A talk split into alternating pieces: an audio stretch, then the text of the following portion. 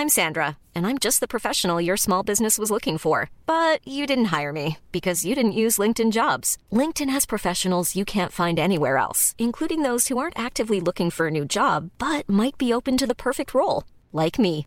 In a given month, over 70% of LinkedIn users don't visit other leading job sites. So if you're not looking on LinkedIn, you'll miss out on great candidates like Sandra. Start hiring professionals like a professional. Post your free job on linkedin.com/people today.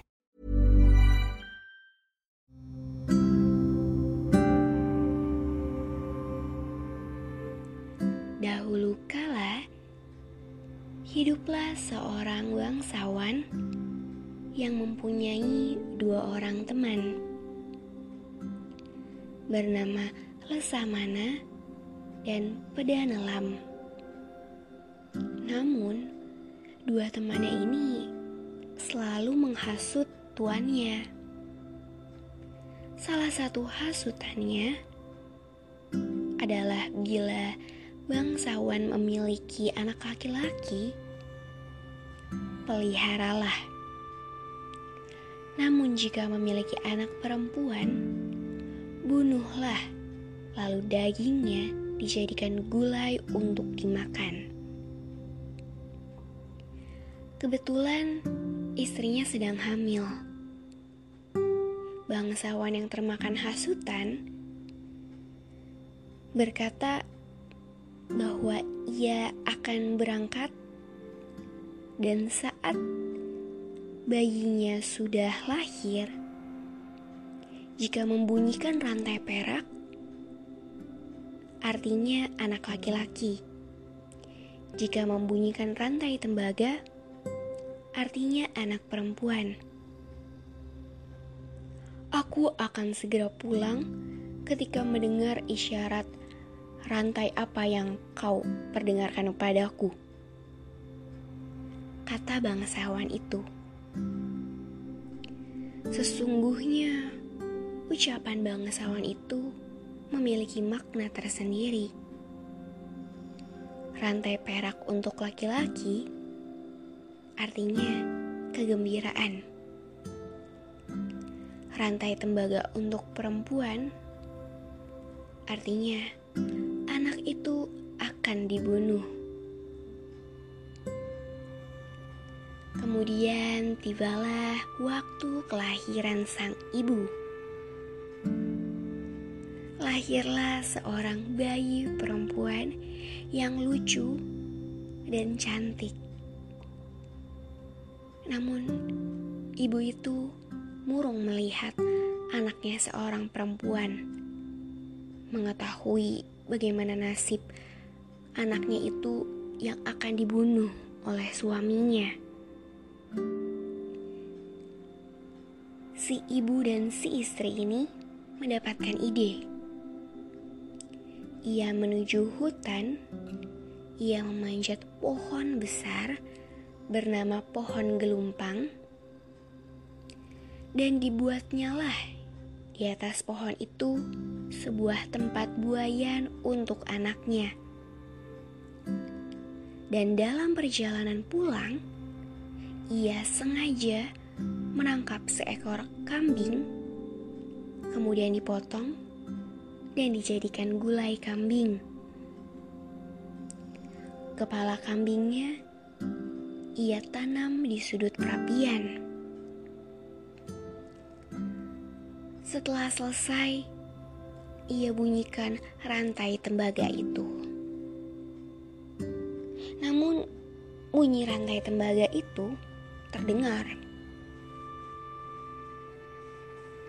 Bangsawan pun segera pulang, ditemani dua temannya yang tadi, Lasamana dan Padanelam, yang mengusulkan semua ini. Ketika pulang, bangsawan tidak dapat menemukan anak mereka. Istrinya pun berkata, "Sebelum Kakanda datang, anak kita sudah saya sembelih. Inilah gulai daging anak kita." Ia pun menghidangkan gulai dan nasi. Bagus-bagus istriku, mari kita makan. Kata bangsawan itu mengajak teman-temannya juga Lesamana dan pada nelam. Tak lama kemudian, ada suara elang yang berkata, Mereka bukan makan daging manusia, mereka sedang makan daging kambing. Teman-teman bangsawan yang sedang makan mendengarnya kemudian memberitahukannya kepada bangsawan. Tapi bangsawan itu berkata, tak usah hiraukan suara itu. Namun suara itu terdengar lagi. Berkali-kali, sampai bangsawan pun curiga. Ia memanggil istrinya dan mengancam. Jika istrinya tidak mengatakan di mana anak itu ia akan membunuh istrinya. Istrinya pun ketakutan, maka ia mengatakan bahwa ia menyembunyikan anak mereka di hutan. Suaminya pun menyuruh istrinya untuk membawakan anak mereka. Istrinya mau tidak mau menuju hutan. Ketika tiba di pohon gelumpang tempat anaknya disembunyikan, ia memanggil anaknya. Ia berkata, ayahnya sudah lama pulang dari Pulau Pinang. Ayahnya membawa oleh-oleh tusuk sanggul emas dan perhiasan lain untuknya. Karena itu, pulanglah. Kemudian terdengar suara anaknya dari atas pohon yang berkata, Ibu yang baik, saya belum bisa pulang. Katakan pada ayah, saya sedang menanam kapas. Anaknya ini sudah berusia belasan tahun.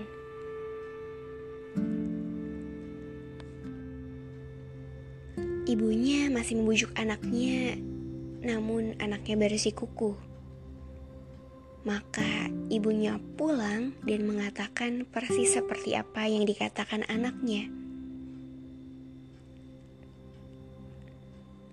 Bangsawan itu tentu marah saat mendengarnya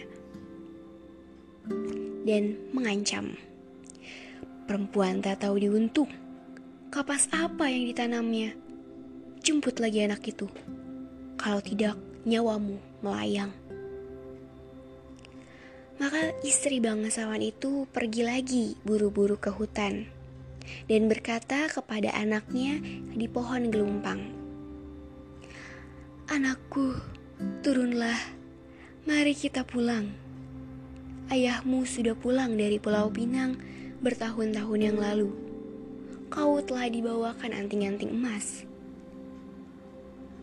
Hmm, ibuku sayang, katakan saya belum bisa pulang.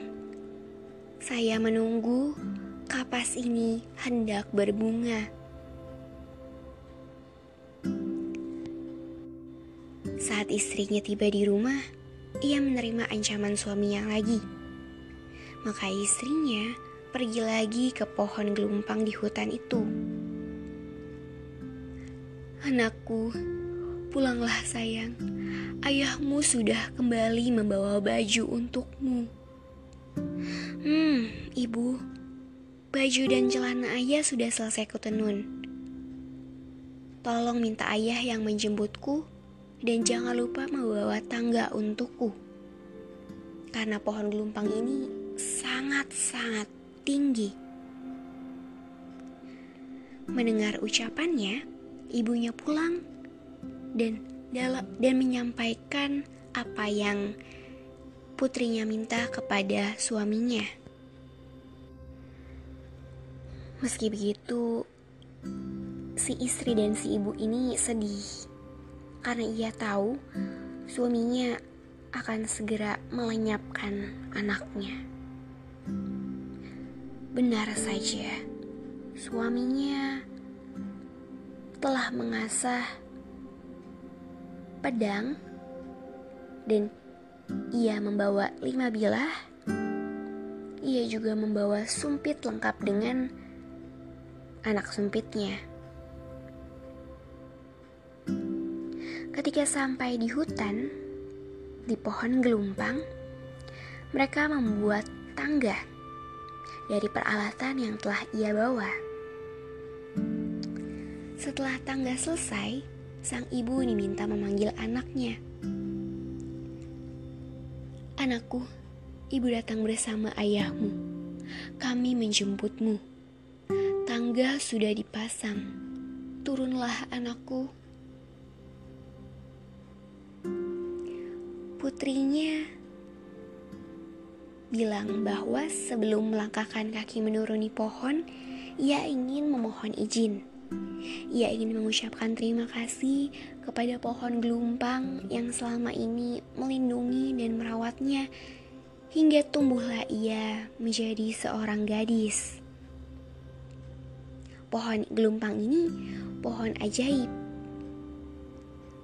Pohon gelumpang ini menyambut suara sang gadis dengan menggoyangkan daun-daunnya.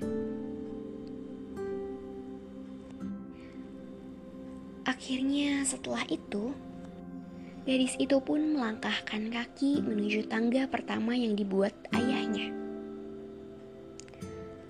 Pada saat itu, ayahnya segera menyumpit dari bawah, kena sanggulnya apa ini, Bu? Itu tusuk sanggul emas. Ayahmu membawanya dari Pulau Pinang. Namun saat gadis ini menuruni tangga kedua, ayahnya menyumpitnya lagi dan kena telinganya. Itu anting-anting emas yang dibawa ayahmu. Saat gadis itu menuruni tangga ketiga, ayahnya menyumpitnya lagi kena lehernya. Itu kalung emas yang dibawa ayahmu. Begitulah setiap kaki gadis itu semakin menuruni tangga. Selalu ia terkena sumpit ayahnya. Mengenai dada, pinggang, perut, paha, dan kaki sang gadis. Namun setiap gadis itu bertanya, yang dijawab ibunya adalah itu oleh-oleh ayahnya. Hmm, anehnya, bangsawan itu tidak melihat ada luka di tubuh sang gadis, tidak satu pun. Di mana sebelumnya bangsawan itu telah menusuk sang gadis. Sang gadis itu sebenarnya tahu bahwa ayahnya ingin membunuhnya. Berkatalah sang gadis itu, "Ayah, bila ayah ingin membunuh saya, bila ayah ingin bisa membunuh saya, dirikan pohon pisang di sebelah kiri saya." Mengapa saya harus mendirikan pohon pisang? Karena Bila ayah memancung saya langsung, mungkin ayah tak akan sampai hati melakukannya. Ayahnya pun menerima saran itu. Batang pisang ditanamlah di samping gadis itu. Kemudian, gadis itu berkata, "Ayah, bunuhlah aku sambil memejamkan matamu." agar kau bisa tega kepadaku.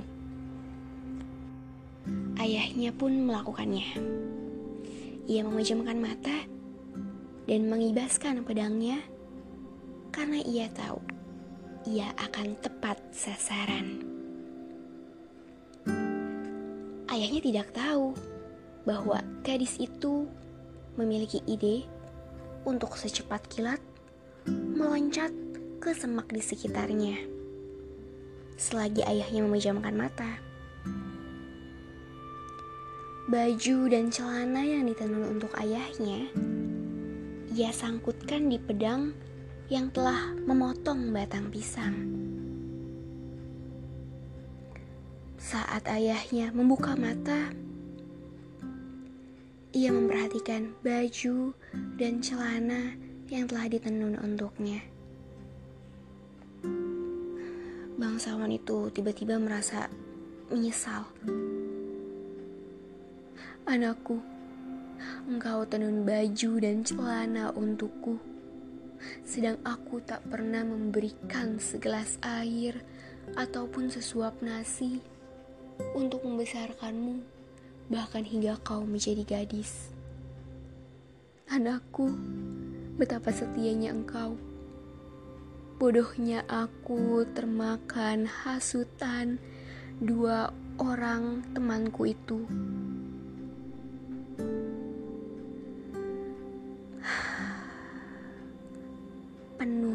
Kesedihan, penuh rasa emosional Sang ayah mengangkat pedang tinggi-tinggi, menebas Lesamana dan Pedanelam sambil berkata, Rasakan pedangku ini, kalian.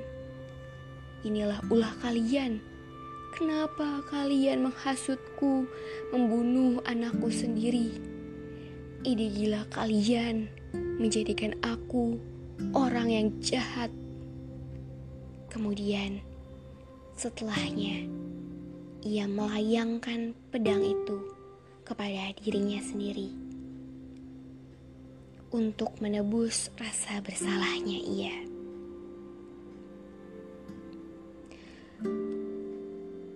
Gadis yang tadinya sedang bersembunyi di semak itu ingin mencegah yang dilakukan ayahnya, namun tidak sempat Gadis itu sedih, namun akhirnya ia hidup dengan aman dan tentram bersama ibunya. Ia membangun rumah di samping pohon gelumpang. Warga sekitar yang mendengar cerita itu menamakannya Putri pucuk gelombang. Dan cerita itu menjadikan ajaran bagi warganya bahwa siapa pun anaknya, perempuan ataupun laki-laki, tidak ada bedanya. Tetap sama-sama harus diberikan kasih sayang yang tulus dan perhatian yang sama. Karena bagaimanapun, itulah anak kalian.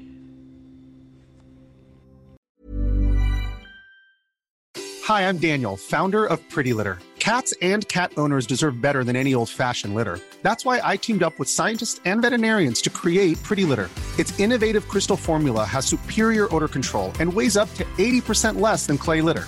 Pretty Litter even monitors health by changing colors to help detect early signs of potential illness. It's the world's smartest kitty litter. Go to prettylitter.com and use code ACAST for 20% off your first order and a free cat toy. Terms and conditions apply. See site for details.